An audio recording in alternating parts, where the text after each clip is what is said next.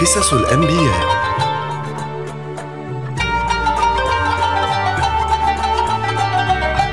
قصص الأنبياء. خلينا موسى المرة الأخرى كيفاش كان خائف يترقب وكيفاش جاه واحد قال له راهم الناس قاعدين يكمبسولك يحبوا يقتلوك. اخرج من مصر ودبالك تقعد. فهز روحه ومشى من غير لا رجع للقصر ولا غير لا هز لا زاد ولا زواد ولا فلوس ولا معين للثنية. خرج هايم على وجهه آه، جيعان عطشان آه، سقيه تهرات بالمشي لأنه وصل لبلاصة اسمها مدين. في مدين قعد يرتاح تحت شجرة يغزر هكا المجموعة متاع السراح يسقيو في الغنم متاعهم وزوز بنات قاعدين يتفرجوا ويستناو. مشالهم قال لهم شبيكم قالوا له إحنا رانا نسرحوا بالغنم ونحبوا نسقيه ولكن حتى يكملوا رجال. ما نجموش نزاحموهم.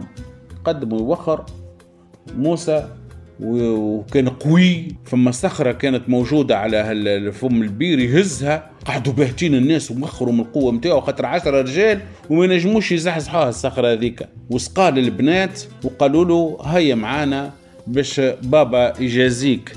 خير على اللي عملته معانا. حشم هو قال لهم معناها أنا راني معناها ما سقيت لكم هكاكا مشني أجر مش ناخذ أجر. لكن حالة موسى تقتضي إنه يمشي يشوف حل في الوقت هذاك. مشى وراهم الريح نفخ عرى ساق واحدة منهم قال لهم اسمعوني البنات أنا نمشي من قدام وأنتم ورايا ودلوني على الثنية. وصلوا الشيخ هذايا وقالوا بعض المفسرين إنه الشيخ هذايا هو النبي شعيب بيدو لكن آه، قالوا زاده اللي هو ولد خو شعيب مش هو.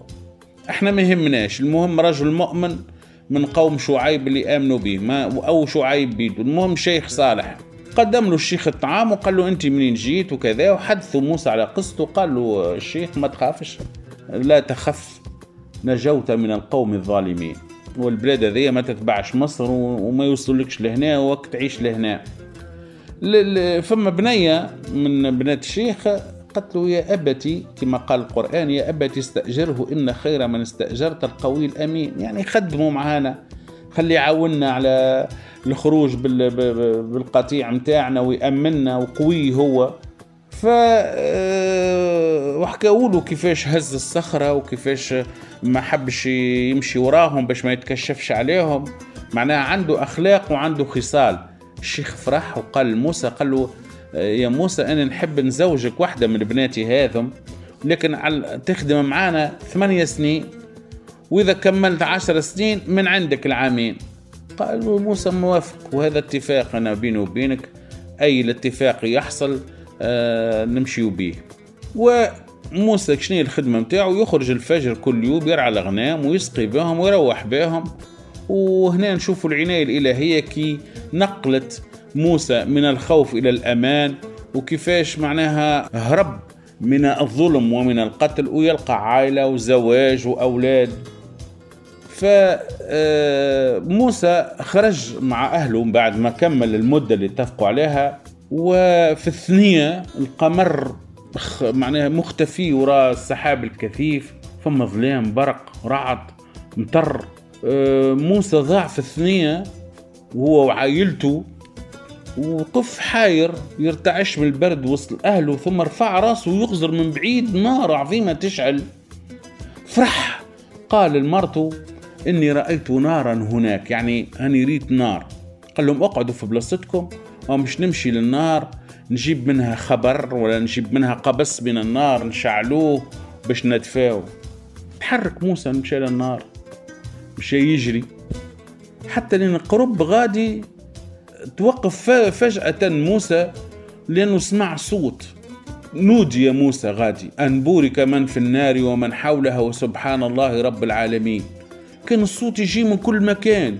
مش جاي من بلاصة محددة. غزر موسى في النار. رجع يرعش لقى شجرة خضراء من الشوك.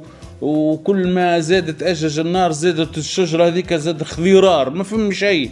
المفروض أنه الشجرة تتحول إلى اللون ال- الأسود. و- ورغم الدفء يرتجف موسى ثم ارتجت الأرض بالخشوع والرحبة والرهبة والله عز وجل ينادي يا موسى. رفع موسى راسه وقال نعم. قال له الله تعالى إني أنا ربك. ازداد ارتعاش موسى قال نعم يا رب. قال تعالى فاخلع عليك إنك بالوادي المقدس طوى. انحنى موسى راكع وجسده الكل ينتفض وخلع علينا متاعه. وقال له ربي وأنا اخترتك فاستمع لما يوحى إنني أنا الله لا إله إلا أنا فاعبدني وأقم الصلاة لذكري إن الساعة آتية أكاد أخفيها لتجزى كل نفس بما تسعى فلا يصدنك عنها من لا يؤمن بها واتبع هواه فتردى. موسى ولا يرعش يتلقى في وحي لهنا ويستمع إلى ربه هنا وهو يخاطبه. معناها وزاد ربي قال له وما تلك بيمينك يا موسى. ازدادت دهشة موسى انه انه إنه ربي يخاطب فيه يخاطب فيه هو بالذات. وإنه يعرف إنه ربي إنه هو يمسك في العصا. مع معناها السؤال ما فهمش علاش السؤال. أجابه موسى وصوته يرتعش. كما قال تعالى في القرآن قال هي عصاي أتوكأ عليها وأهش بها على غنمي ولي فيها مآرب أخرى. قالوا تعالى ألقها يا موسى.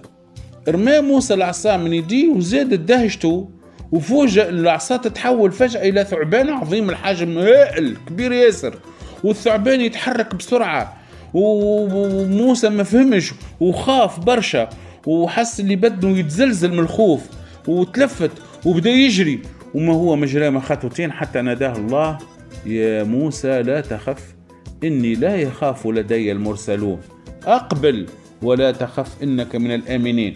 رجع موسى يستدير ويقف. العصا ما زالت تتحرك ما زالت حية.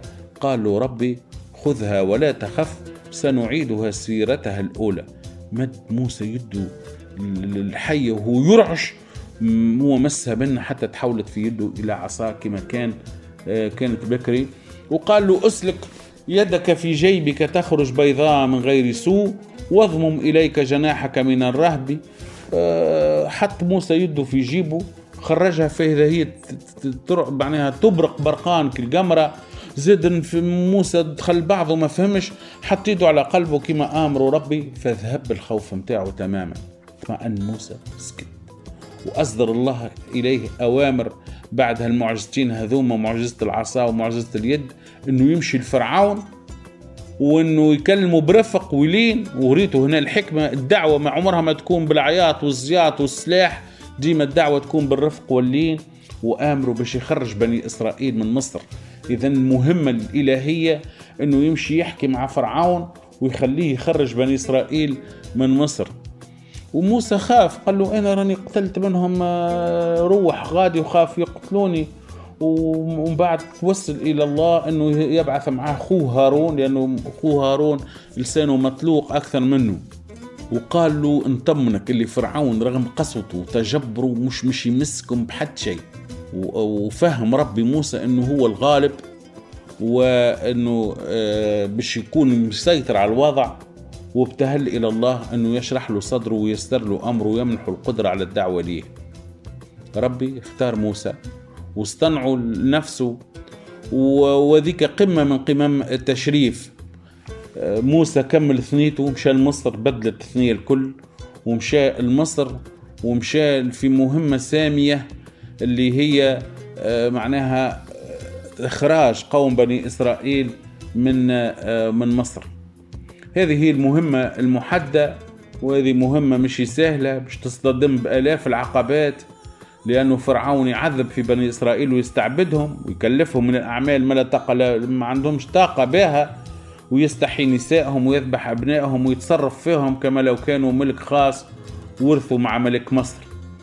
آه، يعرف آه، موسى أنه النظام المصري آه، نظام مبني على الاستعباد والعبودية وعلى معناها نظام يستعبد بني إسرائيل ومعناها وما يعطيهمش قيمة وناس معناها يحسوا معناها يحسوهم اللي هم أقل من البشر. اذا مهمة موسى كانت الذهاب إلى مصر واستخراج بني إسرائيل وبقية الحكاية إن شاء الله نقرأوها في مرات أخرى لأنه المهم لهنا الرحلة اللي قام بها مصر آه، موسى من مصر إلى مدين مشى عمل عائلة وكون أسرة وروى وخرج بهم بعد العشر سنوات وكيفاش ربي عرضه وطرح عليه مهمة صعبة للتنفيذ وقبلها موسى وموسى سينجح في هذه المهمة